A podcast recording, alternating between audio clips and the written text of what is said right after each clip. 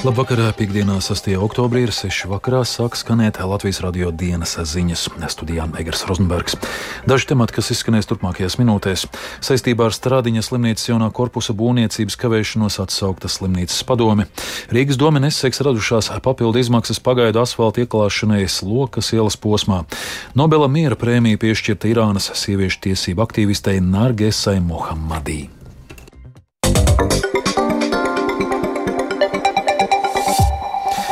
Krievijas kara Ukrainā netālu no Limanas kritis latviešu brīvprātīgais karavīrs. Ukrainas armija šodien apstiprinājusi viņa nāvi. Kritušā māte nepiekrīt personas atklāšanai, taču Latvijas radio sazinājās ar Ukrainas ārvalstnieku leģionā karojošā Latvijas brīvprātīgā karavīru kritušā kolēģi. Viņš lūdza savu vārdu neminēt, bet stāsta, ka atgriežoties naktī apmetnē, konstatējis, ka drons trāpīs mājai. Viņš arī raksturo bojā gājušo vīrieti. No vasaras vidus bija ar pirmo bataljonu novembrī. Pievienojās mūsu komandai, jo mums tāds latviešu, lietuviešu un igauņu komanda bija tāda no Baltijas ceļa savāktām kopā. Savas zemes patriots, protams, bija tāds izpalīdzīgs kaujā vienmēr drošs, bija pat teikšu pārdrošs. Viņam pat patika pat pagaitināt reāli pat ienaidnieku. Bezbailīgs līdz galam reāli. Ja citām bija tādas kaut kādas aizdomas vai pārdomas par tām pašām misijām, ka varētu neizdoties, vai arī ka reāli šis tam iespējams, vienmēr lec iekšā un reāli līdz pēdējiem turējās. Nebija tā arī, ka kaut ko atteicis. Kādreiz bija vienmēr izpalīdzējis, kā varējis, palīdzējis apmācīt cilvēkus. Spānijas pilsētā Granadā turpinās Eiropas līderu tikšanās. Darba kārtībā migrācijas jautājumi. Eiropas komisijas priekšsādātāja Urzula Fonderleina pavēstījusi, ka jārisina ne tikai migrācijas problēmas, bet arī migrācijas cēloņi. Jo labāki mēs būsim ar legāliem migrācijas ceļiem un humāniem koridoriem, jo stingrāki mēs varēsim būt pret to cilvēku atgriešanu, kuri nekvalificējas patvērumu meklētāju statusam. Viens ir skaidrs - mums ir starptautiskās saistības, un mēs tās pildīsim, esam to darījuši iepriekš un darām tagad. Bet mēs, Eiropieši, nevis cilvēku kontrabandisti, lemsim, kurš var ieceļot Eiropā un uz kādiem nosacījumiem and traffickers. Līderis sarunās apspriež arī jautājumu par Eiropas Savienības paplašināšanos. Eiropadomas priekšsādātājs Šārls Mišels izteicies, ka līdz 2030. gadam Eiropai ir jābūt gatavai jaunu valstu uzņemšanai, bet valstu vadītāju vidū domas par šo termiņu dalās. Spānijas dienvidu pilsētā Granadā vairāk nekā 40 valstu līderi pulcējušies uz Eiropas politiskās kopienas sanāksmi, kuras uzmanības centrā ir ne tikai Ukraina, bet arī Azerbaidžānas un Armēnijas konflikts. Liels cerības bija likts uz to, ka izdosies pie viena galda apsēdināt abu valstu vadītājus un atjaunot miera sarunas pēc tam, kad Azerbaidžāna sāka militāro ofensīvu Kalnu Karabahā, un tās rezultātā no separātiskā reģiona masveidā izceļoja etniskie armēņi. Tomēr Azerbaidžānas prezidents Ilhāms Alijevs nolēma nebraukt uz Granadu, skaidri parādot, ka nevēlas uzklausīt ne pārmetumus, ne Eiropas iejaukšanos. Tāpat nav ieradies arī viņa tūs sabiedrotais Turcijas prezidents Reģips Taips Erdogans. Savukārt Armēnijas premjers Nikols Pašiņāns Granadā cenšas panākt lielāku Eiropas atbalstu, lai arī Armēnija joprojām ir Krievijas veidotās Eirāzijas muitas savienības pārstāvi. Nu, protams, Kirvāna ir vīlusies Maskavas atbalstā, precīzāk sakot, tā trūkumā, tādēļ arvien aktīvāk meklē draugus rietumos. Kā uz notiekošo Kalnu Karabahā raugās Latvijā dzīvojošie armēņi un azerbaidžāniņi, vairāk Viktora Demīdo ierakstā. Konflikts, kas aizkaukāzā septembrī izvērtās starp armēņiem un azerbaidžāņiem, varēja nenotikt, taču armēņi Kalnu Karabahā nevēlējās vienoties diplomātiski. Tā uzskata Azerbaidžāņu jaunatnes centra Azeri vadītājs Amils Salīmovs, kurš dzimis Rīgā. Azerbaidžānas galvaspilsētā Baku dzīvo daudz viņa radinieku, ar kuriem Salīmovs regulāri sazinās. Lai gan izskan apgalvojumi, ka azerbaidžāņi pret etniskiem armēņiem vērš genocīdu, Salīmovs to kategoriski noraida. To nevar saukt par genocīdu. Konflikts ir Azerbaidžāņu teritorijā, kuru līdz šim Azerbaidžāna nekontrolēja. Bija vairākas reizes pateikts, ka atbrīvojot karaspēki no Karabahā. Otrais pats galvenais, ka Azerbaidžānas karaspēki karoja tikai ar karaspēkiem no armēņu puses. Tur par uh, miermīlīgo tautu vispār nebija nekas saistīts ar to. Bet no armēņu puses 20. gadā bija triecieni pa Ganģa pilsētu, tas ir otrā lielākā pilsēta Azerbaidžānā. Tur uh, naktī vienkārši miermīlīga tauta gulēja un guļošos vienkārši iznīcināja. Kopš pagājušajā mēnesī Azerbaidžāna sāka kontrolēt sev juridiski piedarošo teritoriju, Kalnu Karabahā dzīvoja ap 120 tūkstošiem armēņu, no kuriem teju visi tagad ir aizbēguši. Armēnijas vadība ir apsūdzējusi Azerbaidžānu par etniskās tīrīšanas kampaņu, savukārt kaimiņu valsts to noliec un publiski ir aicinājusi armēņus palikt teritorijā un atkal integrēties Azerbaidžānā. Kalnu Karabahā dzimusī kinofestivāla Baltijas pērle direktore Marina Lipčenko atzīmē, ka armēņi aizbēga atminoties 1915. gada genocīdu.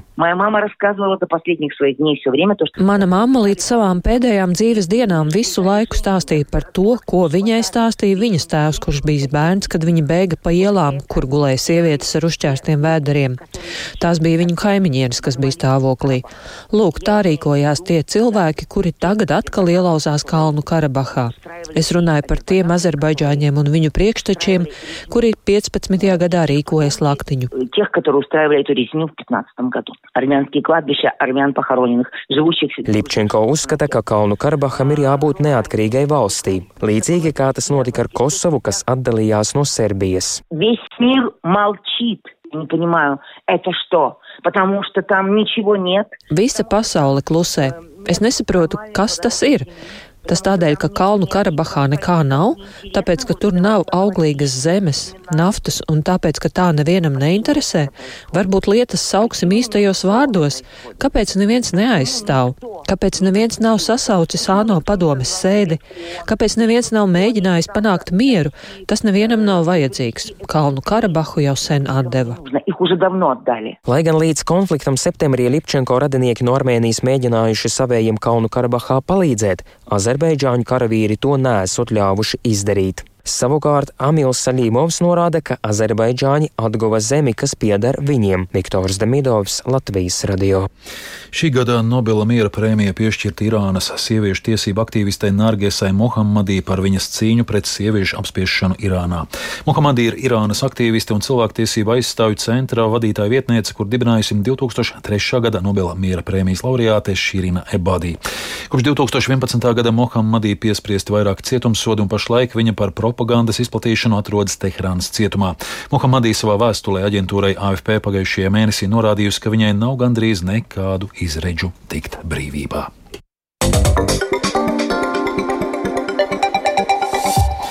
Saistībā ar Stradiņas slimnīcas jaunā korpusa būvniecības kavēšanos atsaukta slimnīcas padome. Veselības ministrijā norāda, ka padomas locekļu neizdarības dēļ ir risks pazaudēt 46 miljonus eiro Eiropas Savienības naudas. Šobrīd iecelta jauna pagaidu padome, kurai uzdots veikt šī projekta pārvaldības ārējo auditu. Stradiņa slimnīcas vadība apstiprina, ka būvdarbu lēnā tempa dēļ finansējumu līdz gada beigām apgūt nevarēs. Plašāk par tematu turpina Sintija Ambote. Veselības ministrija lēmusi atstādināt Stradiņas slimnīcas padomu, jo tā nav pietiekami iesaistījusies slimnīcas A korpusa otrās kārtas būvniecības pārvaldībā.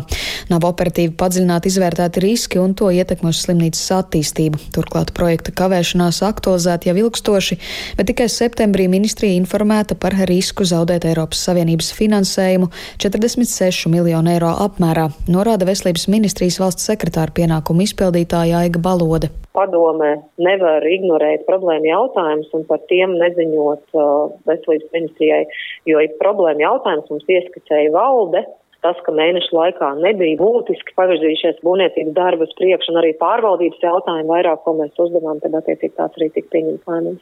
Atstādinātās padomas vadītājs Reinis Ceplis situāciju Latvijas radio atteicās komentēt. Savukārt pagaidu padomē ievēlēts Austrum slimnīcas valdes priekšsēdētājs Normons Staņēvičs, bērnu slimnīcas valdes pārstāv Iluta Riekstiņa, kā arī Stradiņa slimnīcas sirds ķirurģijas nodaļas vadītājs Pēters Stradiņš, kurš pagaidām vēl nevērtē, vai naudu šajā projektā vēl iespējams iespējams nezaudēt? Ir problēmas konkrēti ar A2 korpusa termiņiem, un, protams, ka tur kāda nopietna rīcība ir vajadzīga. Taču vai tieši iepriekšējais padomes darbs bija nu, tas galvenais varbūt iemesls šīm problēmām, man ir ļoti grūti komentēt no savu viedokļu. Tur ir jāskatās visa šī dokumentācija, ar ko mēs nākošu nedēļu arī nodarbosimies. Stradiņas slimnīcas valdes priekšsēdētājs Rināls Muciņš skaidro, ka sākotnēji darbu izpildes temps kavējies gan Covid pandēmijas, gan kara Ukrainā ietekmes uz būvniecības nozari dēļ. Taču arī šogad martā slimnīcā ir būvuzņēmēju vēlve vienojoties par jaunu darba grafiku, būvdarbu temps nav pieaudzis. Mums ir nauda, lai šo naudu mēs maksātu būvniekam, pēc tie ir jāliek darbs. Ja šobrīd mums pēc vienošanās šis temps ir jābūt 4-5 miljoni mēnesī, bet aptuveni šis temps ir 1 miljons, bet līdz gada beigām beidzās plānošanas periods un mums vairs nav pieejama šī nauda. Protams, mēs darām visu iespējamo, runājam ar būvnieku, meklējam risinājumus, lai šo būvdarbu tempu palielinātu, bet šobrīd ir skaidrs, ka vairs nav iespējams scenārijs, ka mēs visus 46 miljonus šajā gadā spēsim ieguldīt. Esošais līgums paredz, ka jaunais korpus būvniekam jāpabeidz martā, un Stradiņas slimnīcas rīcībā tas jānodod jūnijā, bet šobrīd norit sarunas par termiņu pārcelšanu vēl par sešiem mēnešiem līdz nākamā gada trešajam ceturksnim, saka Muciņš. Stradiņas slimnīcas pagaidu padomas pilnvaru termiņš ir līdz vienam gadam, un veselības ministrija tai uzdevusi veikt arī slimnīcas jaunās A2 ēkas projekta pārvaldības ārējo auditu. Ar slimnīcas darbiniekiem un valdi veselības ministrija un jaunieceltā padome tiksies pirmdien. Sinti Ambote, Latvijas radio. Rīgas doma neseks radušās papildu izmaksas pagaidu asfalta ieklāšanai Lokas ielas posmā, kur aizvadītajā nedēļas nogalē cauri vijās skriešanas pasaules čempionāta maršruts. Tāpēc iepazīšanās ar izpildirektoru pienākumu izpildītāju skaidrojumu pavēstīs Rīgas mērs Vilnis Čirsis no jaunās vienotības, skaidrojot, kā problēmas pamatā ir iekavētie darbi attiecīgajās Lokas ielas posmā. Turpinājumā par sportu, lai spriestu par Latvijas dalību Parīzes paralimpiskajās spēlēs izglītības un zinātnes ministre Ande Čakša no jaunās vienotības šodien tikās ar Latvijas Paralimpiskās komitejas pārstāvjiem. Pirms nedēļas Startautiskā Paralimpiskā komiteja atļauja Parīzē startēt Krieviem un Baltkrieviem. Paredzams, ka līdzīgu lēmumu nākamnedēļ pieņems Startautiskā olimpiskā komiteja. Pagaidām nav spriests par latviešu iespējamo dalību Parīzē vai atteikšanos no tās. Galvenais esot mēģināt panākt, ka Krievus un Baltkrievus tomēr startam nepielaiž. Latvijas Paralimpiskā komiteja uzrakstījusi oficiāls vēstules ar pretenzijām gan Startautiskajai Paralimpiskajai komitejai, gan Eiropas Paralimpiskajai komitejai. Eiropas komiteja jau reaģējusi oktobra beigās, sasaucot ārkārtas valdes sēdi. Vairāk stāsta Latvijas Paralimpiskās komitejas ģenerāls sekretāre Liene Apine.